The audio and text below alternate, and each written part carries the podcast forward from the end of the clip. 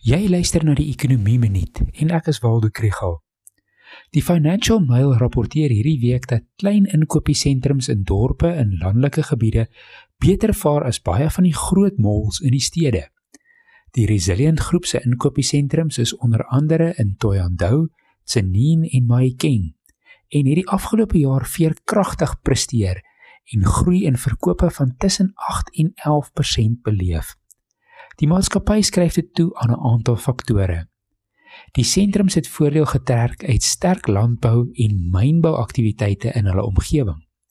Verbruikers se inkomste is onder druk en hulle fokus op noodsaaklike aankope in spesifieke kleinhandelkategorieë. Dis het kruidenierswarewinkels, apteke en sekere klerewinkels in die sentrums beter verkope gehad. Hierdie verbruikers se inkomste is ook aangevul deur sosiale toelae. Die winkels in hierdie sentrums het ook nie groot kompetisie op aanlyn platforms nie. Maar sentrums met flieks en baie restaurante is swaarder getref deur die inperking.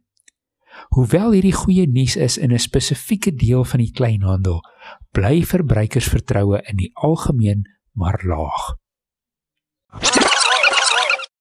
As jy meer van die ekonomie wil leer, volg die ekonomie blok.